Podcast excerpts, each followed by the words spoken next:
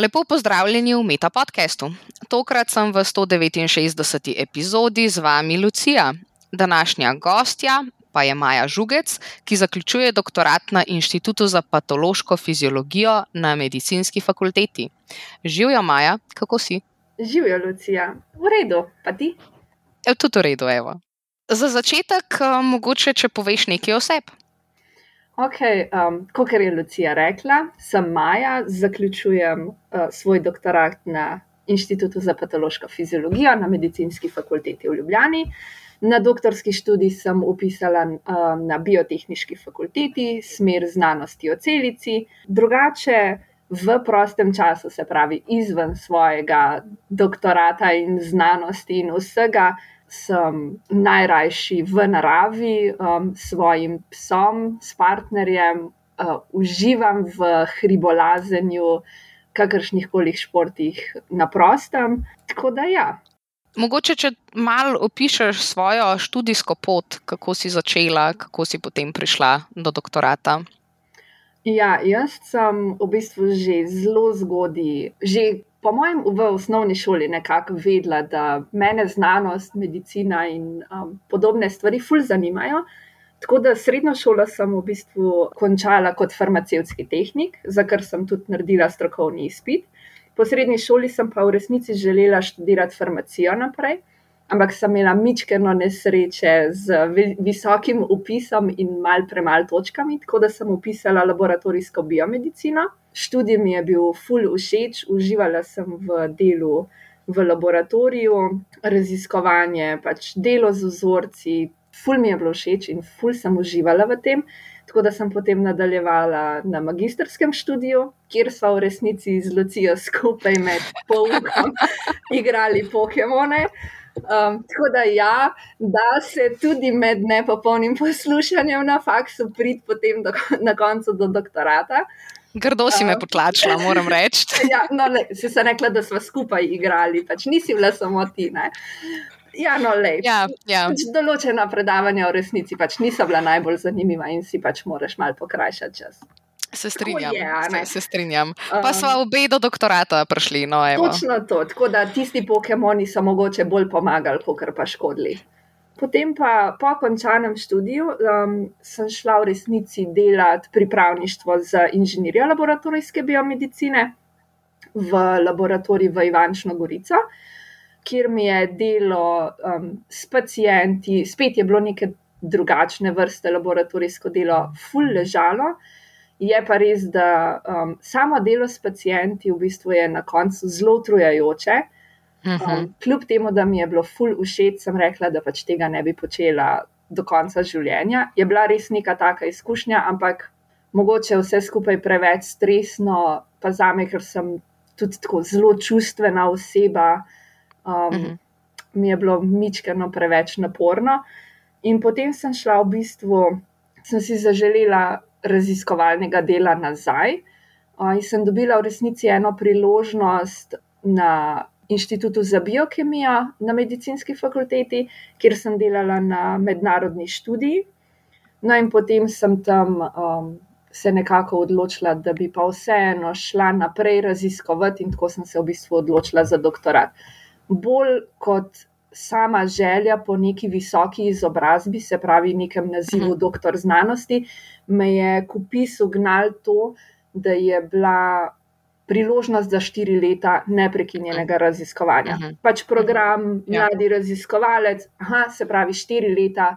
Bom dejansko imela to uh -huh. možnost raziskovanja. In v bistvu tako sem prišla do tega. Pač doktorat, naziv bo na koncu, da je moreč kolateralna škoda moji želji po raziskovanju. Češnjica na torti. Češnjica na torti. Tako. Jaz mislim, da je najbolj, da nam kar mal poveš o svoji temi doktorata. Kaj dejansko raziskuješ? Ja, zdaj jaz raziskujem samo ulogo plektina, ki je povezovalec citoskeleta. Razpor... Lepo, prosim, povej, kaj je citoskelet. Ja, uh, okay. uh, citoskelet so v bistvu proteini, gradniki v celici, ki so zadolženi primarno za vzdrževanje same oblike in rigidnosti celic. -huh. Poleg tega imajo pa še vlogo signaliziranja različnih celičnih procesov. V bistvu zelo enostavno je to narisati, zdaj, ko moram pač to povedati, pa najbrž pos, pač poslušalci si teže predstavljajo, ampak um, gre za, da reč, neke tračnice v celicah, ki prenašajo uh, molekule z enega konca na drugi konec, plus tega pa omogočajo še neko stabilnost same celice. Ok, torej zdaj, če se vrnemo nazaj na plektin, ki si ga omenila na začetku, to je del citoskeleta ali kako? Tako, ja. Um, plektin v bistvu povezuje te različne proteine citoskeleta, se pravi, te različne tračnice med, med seboj, plus z drugimi molekulami ali pa strukturami v celici. Se pravi, nek tak vezni člen. Okay. Znotraj citoskeleta, pa znotraj pač celice. Ok, super. Mislim, da si zelo lepo orisala, čeprav nismo imeli slike. Ok, nadaljuj. Ja, se pravi, um, glede na to, da je sam citoskelet povezan s številnimi procesi znotraj celice, jaz v bistvu preučujem, kako potem prisotnost oziroma odsotnost plektina v celicah vpliva se pravi na to razporejanje citoskeleta, na migracije celic in pa na delovanje mitohondrijev, ki so um, neke, v bistvu, mitohondriji so organeli v celicah, ki so primarno zadolženi za ustvarjanje energije, ki jo potem celice porabijo za vse ostale procese, ki jih pač morajo upraviti. Moje delo je pa v bistvu um, celotna doktorska naloga, pa temelji na delu na astrocitih. Ok, in super, lahko poveš še, kaj so astrociti. Astrociti so pa um, skupina celic v možganih, nevrone najbrž vsi poznamo. Mhm. Um, astrociti so pa v bistvu podskupina, ki je nekako primarno zadolžena za nudenje opore nevronom, se pravi pač za stabilno za povezovanje, se je pa v zadnjih letih zelo veliko raziskav um, usmerilo na same astrocite, uh, in rezultati so pokazali, da poleg nudenja opore nevronom, imajo astrociti sami um, še številne druge uh, naloge, funkcije. Med drugim um, se zdaj kaže tudi to, da so povezani s številnimi nevrodegenerativnimi boleznimi. Ok, a pa res astrociti nudijo samo oporo, ali po astrocitih pride tudi kakšna hrana za nevrone? Ja, astrociti so v resnici um, celice, ki dejansko prevajajo, niso električno vzdražene, tako kot nevroni, uh -huh. ampak vseeno iz nevronov sprejemajo. Signalne molekule, pa potem lahko to pretvorijo, pa potem dajo tudi naprej signalne molekule nazaj nevronom povezani so tudi s uh, možgansko, krvno-možgansko bariero, se mhm. pravi, uravnavajo tudi pretok hranil iz krvi v možgane. Tako v resnici imajo ful velik kompleksnih nalog. Mislim, da si čisto v redu opisala tole, in ja, je drugače zelo kompleksno. Ja. Omenila si vpliv oziroma povezavo tega z raznimi nevrodegenerativnimi boleznimi. Mogoče kakšno bolj konkretno. Ja, zdaj različne nevrodegeneracije. Kaj sploh so nevrodegenerativne bolezni? Pač nevrodegeneracija je v resnici izraz, s katerim opišemo zmanjševanje funkcije, pa propadanje nevronov. In veliko časa je v resnici veljalo, da, da so dejansko nevroni tisti, ki so odgovorni za te bolezni, ampak kot sem že rekla, zraven pa še v resnici tudi spremembe v delovanju astrocitov. Ena izmed takih nevrodegenerativnih bolezni je recimo Alzheimerjeva bolezen, ki jo najbrž poslušalci zelo dobro poznajo in je v bistvu progresivno slabšanje kognitivnih sposobnosti. Um, zdaj na celičnem nivoju gre pa za nabiranje uh, senilnih plakov, ki so v resnici sestavljeni iz enega peptida, ki ga imenujemo amiloid beta. Ja, mogoče res Alzheimerjeva bolezen je najbolj znana, mogoče še kakšna druga, ne vem, Parkinsonova. Mogoče. Ja, tudi Parkinsonova bolezen je taka, kjer so pač astrociti upleteni. Uh mhm. -huh. Zdaj, pri vseh teh boleznih se v resnici preučuje tudi vpliv plektina. uh, posredno ali pa neposredno. Mislim, zveni kar zanimivo in se mi zdi, kot da pač so stvari tako ful povezane med sabo. Kar mene zdaj tukaj zanima je, kako točno. Ti dejansko se lotiš raziskovanja tega, ker pač nevroni so v možganjih, verjetno ne moreš jih človeku odpreti glave. Pa... Ja, to, to bi najbrž bilo uh, precej etično sporno, vsaj. Uh, vsaj. Če, ne kaj, če ne še kaj drugega. Uh, ja, v resnici um, pri nas delamo večinoma na primarnih astrocitih, izoliranih iz uh, neonatalnih podganic, se pravi iz podganic, ki so stare nekje dva dni po kotitvi. Jaz sem sicer doktorat delala na astrocitih izoliranih iz mišk, uh mhm. -huh. spet dva, dva dni starih mišk. Zdaj, jaz tukaj ne bi šla v neke hude detajle, ampak najbrž pač si mogoče lahko predstavljam, kako te astrocite iz možgan dobimo. Pač gre za v resnici zelo um, neprijeten postopek, pač podganico je, ali miško je pač treba dekapitirati, se pravi odrezati glavo in potem pač iz lobanje um, ekstrahirati tiste možgane in potem po postopkih pridobiti pač te astrocite. Tako da v resnici pač ja, je delo na uh, celični kulturi astrocitov. Uh, zveni kar zanimivo, čeprav uh, mogoče malo kruto. Ampak ja, se, se pa zavedamo, da uh, v raziskovanju pride tudi do takih stvari, um, in ne moremo brez tega. Ne? Ker ja. um, seveda pač je lažje to narediti na uh, živalih kot na ljudeh. Ja, točno to. Definitivno se pač trudiš pri sami dekapitaciji in teh rečih zadevo narediti. Čim bolj humano in čim hitreje. Ja, pa, seveda, vse nas zavezujejo tudi neki etični tako, kodeksi, če lahko temu tako rečemo. Je pa pač vseeno, recimo, jaz sem to delala praktično od začetka doktorata pa do konca. Ne. Prva pa zadnja izolacija je za me osebno bila pač enako čustveno naporna. Uh mhm. -huh. Meni uh -huh. osebno to nikoli ne ra, ni rata lažje. Uh mhm. -huh. Ampak ja, pač je točno to, kot si rekla, Lucija. Zavedati se je treba, da, da če želimo nekaj ugotoviti, nekaj dognati, je pač določene je to treba, žal ja. ne moremo drugače. Ja. Kaj recimo bi poleg tega, da pač ti je bilo čustveno težko to delati, kaj so bili recimo še kakšni večji izzivi pri samem delu? Ja, jaz moram reči, da kar se samega laboratorijskega dela tiče, sem imela ogromno srečo, ker um, mi je zelo veliko poskusov. Ratal zelo hiter, pač znanost je taka, veliko je trial and error. Določeni postopki, pač, ja, vsi, vsi vemo, v teoriji bi stvari morale delovati.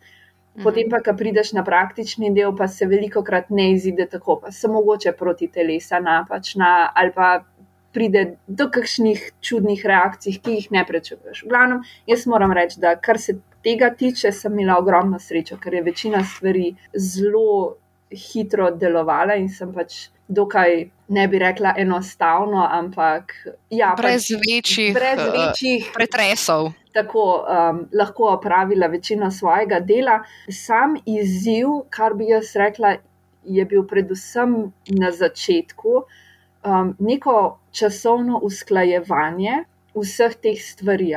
Pač priprava celične kulture, priprava samega poskusa, potem posnet in potem tudi poanalizirati. Zdaj, zelo enostavno, če rečemo, je hitro pripraviti večje število vzorcev, ki jih potem posnameš. Ampak potem je tisto postavljanje prioritet. Kaj bom pa zdaj najprej poanaliziral? Pa, ne, mhm. določene stvari se mudijo, pa včasih se ful velik stvari naenkrat mudi. In to usklajevanje in postavljanje samih prioritet, to se mi zdi, da je bil nekako največji izziv, izziv. kar se samega okay. dela tiče.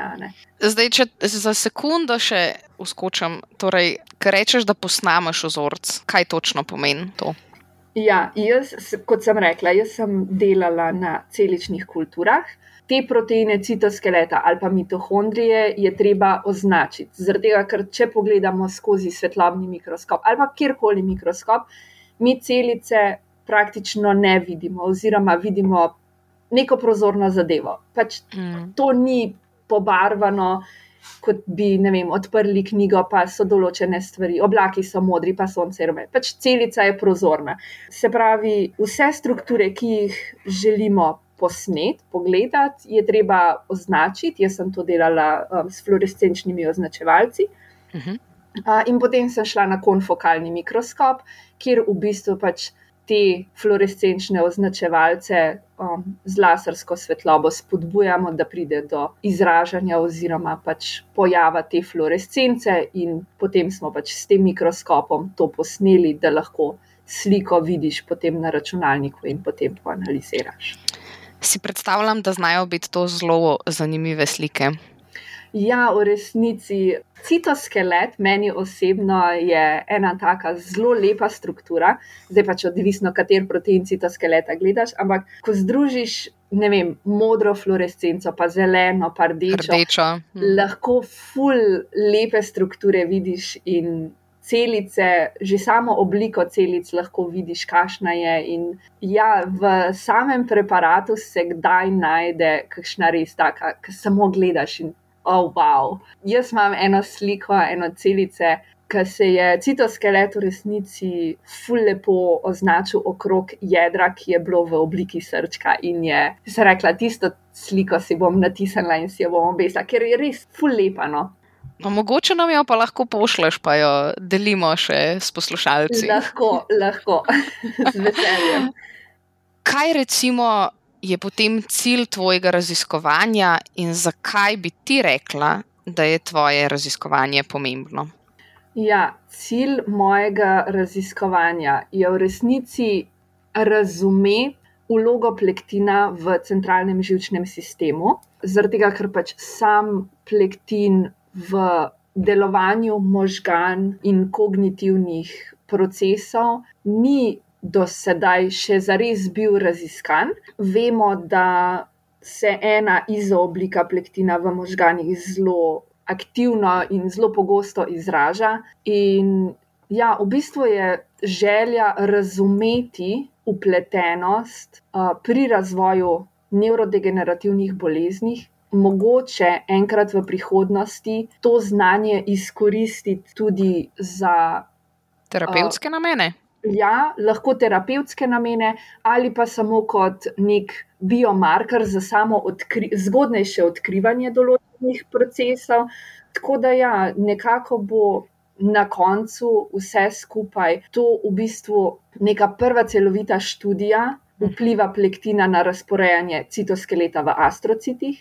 Določene take raziskave v drugih celicah telesa so že bile narejene, ampak sami možgani, sami astrociti so pa v resnici do tega trenutka, vsaj kar se plektina in citoskeleta tiče, nekakšna neznanka. Tako da um, jaz mislim, da bo vse skupaj enkrat, mogoče v bližnji ali pa v daljši, daljni prihodnosti, pomembno prispevalo k razumevanju prispevka astrocitov k razvoju in samemu poteku nevrodegenerativnih bolezni.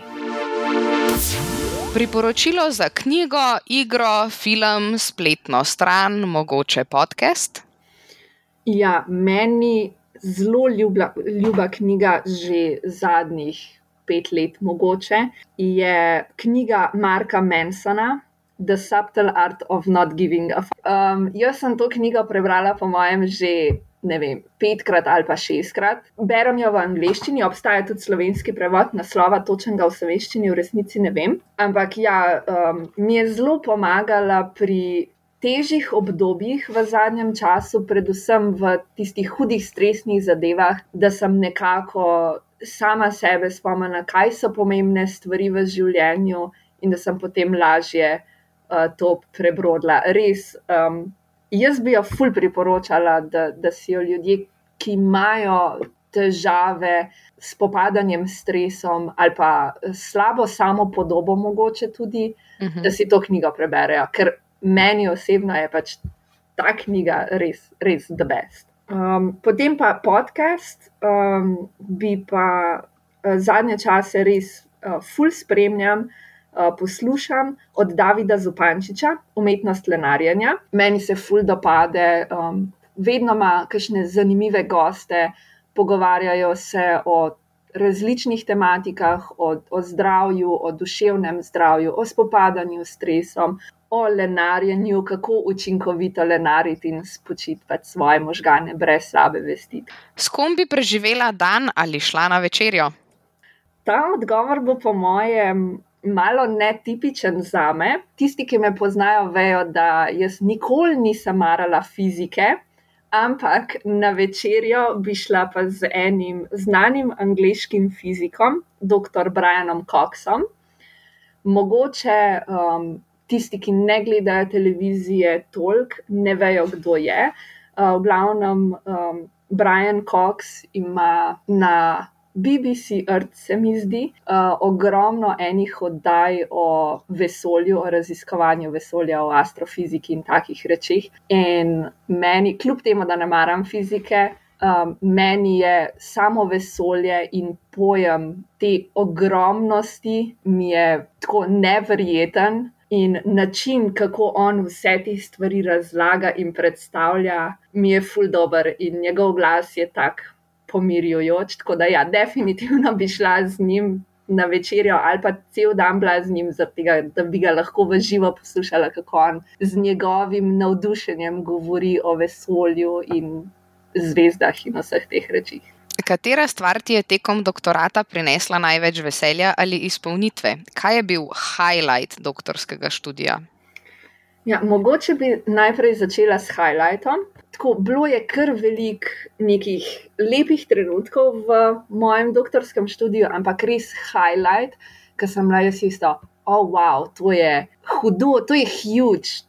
Noro je bilo pa v trenutku, ko sem v bistvu vse rezultate začela zbirati na kup in začela pisati članek prvi, ker takrat sem videla, jaz sem vedela že prej, da okay, te rezultati so ful dobri, to je ful, ampak potem, ko sem vse skupaj sestavila v neko uh mhm. -huh. širšo sliko, ki sem lahko, ok, to je next level, tisto mi je mhm. res dal eno tako posebno zadovoljstvo. Tako da jaz bi rekla, da je to nek tak highlight, ker so bili rezultati ful. S tem sem bila res tako zadovoljna in ponosna sama na sebe, da, da je vse to ratalo največje veselje in spopolnitev, bi pa rekla, da so v resnici bili tisti trenutki, ko sem se res lahko odklopila od vsega stresa, ki ga je uh, samo delo, sam študij, pisanje prinašalo. Tako da, ja, jaz sem najbolj v resnici uživala, ker sem lahko šla nekam v naravo, na pohod, nekam lest v hribe, plezati po steni ali pa se samo doma na dvorišču igrati s psom. Pač uh mhm. -huh. trenutki brez stresa so bili nek tak full pozitiven moment. Kakšen je tvoj način za spopadanje s stresom in morebitno negotovostjo, ki pride med doktoratom? Definitivno je eden izmed načinov bil tudi priti domov, se zdret in potem jokati. Potem pa obriti, ja, žal. Pač pride kakšen tak dan, ko te zadeva znervira, ali pa ti nekaj ne gre, pa potem še na cesti te nekdo. Pač se nakupičijo slabe stvari, slaba energija v dnevu. In ja, jaz sem pač fulčustvena oseba in mi je pomagal pač kričati, jokati. In potem, ok, zdaj pa dost, gremo naprej. Zelo velik, ja, kot sem že prej omenila, knjigo pa podcast.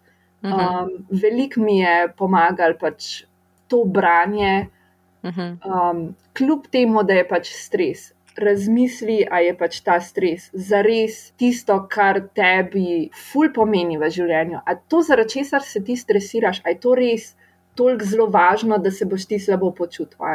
Je mhm. težko, traja kar nekaj časa, da se tega naučiš, ampak ja. Ponotraniti to idejo, da mogoče pa pač ni toliko slabo, kot se meni v tistem trenutku zdi.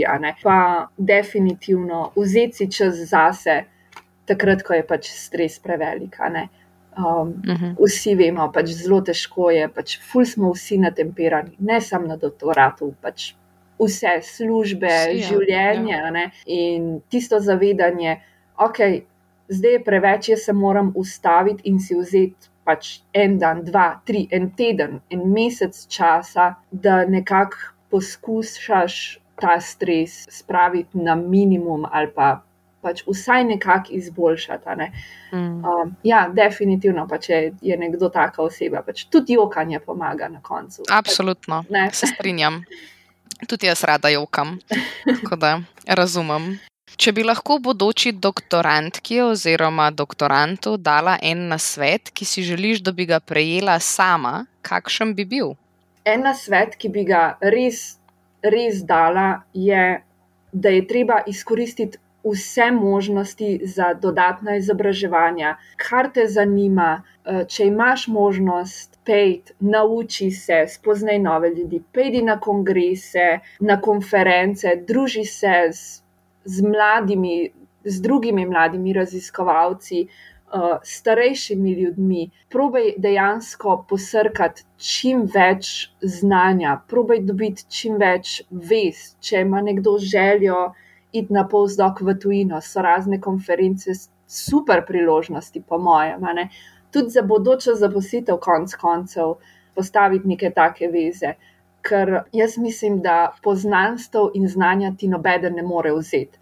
Mhm. Um, tudi če ti na koncu mogoče ne pride toliko prav določeno, določen skill ali pa nekaj, pač vseeno, to je tvoja dodatna vrednost. In če se ti počutiš, da si želiš, ne vem, znati nek postopek ali pa nekaj, če imaš možnost, forsiraj, Mhm. da se boš tega naučil. Ker konc koncev, tudi če ti pač že zares ne bo koristilo, je pa v tistem momentu to izpopolnitev zate, ne za tvoje osebno zadovoljstvo. Tako da, ja, čim več dodatnih izobraževanj, to bi bilo eno. Drugo, kar bi pa položila na srce, je pa to, da je vedno, ne samo na doktoratu, treba poslušati samega sebe. Če se v določenih situacijah človek ne počuti ok, če je zadeva preveč stresna, če je na mizi preveč stvari, ki jih je treba do jutra opraviti, pač povej. Mogoče kdaj se bo zgodilo, da, da bo pač ta, jaz tega ne morem, naletel na gluha ušesa. Ja, se bo zgodilo, ampak se mi pa zdi, da veliko krat bojo pa pač ljudje to upoštevali. Ker če ti ne poveš, jaz tega ne zmorem, rabim več časa, se potem avtomatsko pričakuje, da sej lahko, a ne, sej boš. Tako da treba je poslušati sebe, če se ne počute ok, če se začnejo pojavljati zdravstvene težave, če je stresa čist preveč. Poslušajte sebe, vzamite si čas zase, zaradi tega, ker pač enkrat, ko si zdravje načneš ali pa uničiš, karkoli delaš, ne boš mogel delati stoprocentno. In se mi zdi, da je pač samo zdravje na koncu več vredno, delo pa itak počaka, a ne, v Mhm. vsakem primeru. Hvala ti za ta zanimiv pogovor danes in za tvoje nasvete. Bilo je lepo. Poslušali ste Meta podcast, podcast, v katerem se pogovarjamo z mladimi znanstveniki in znanstvenicami z različnih področji znanosti. Podcast domuje na spletišču metinalista.si, kjer najdete tudi druge zanimive znanstvene vsebine. Naše delo lahko podprete z donacijo Metini listi. Pohvale, pripombe in predloge lahko posredujete po e-mailu znanost.afnametinalista.si. Dobrodošli so tudi komentarji na Facebook profilu Metine liste in na Twitterju @metinalista, kjer uporabite hashtag metapodcast. Se slišimo čez 14 dni.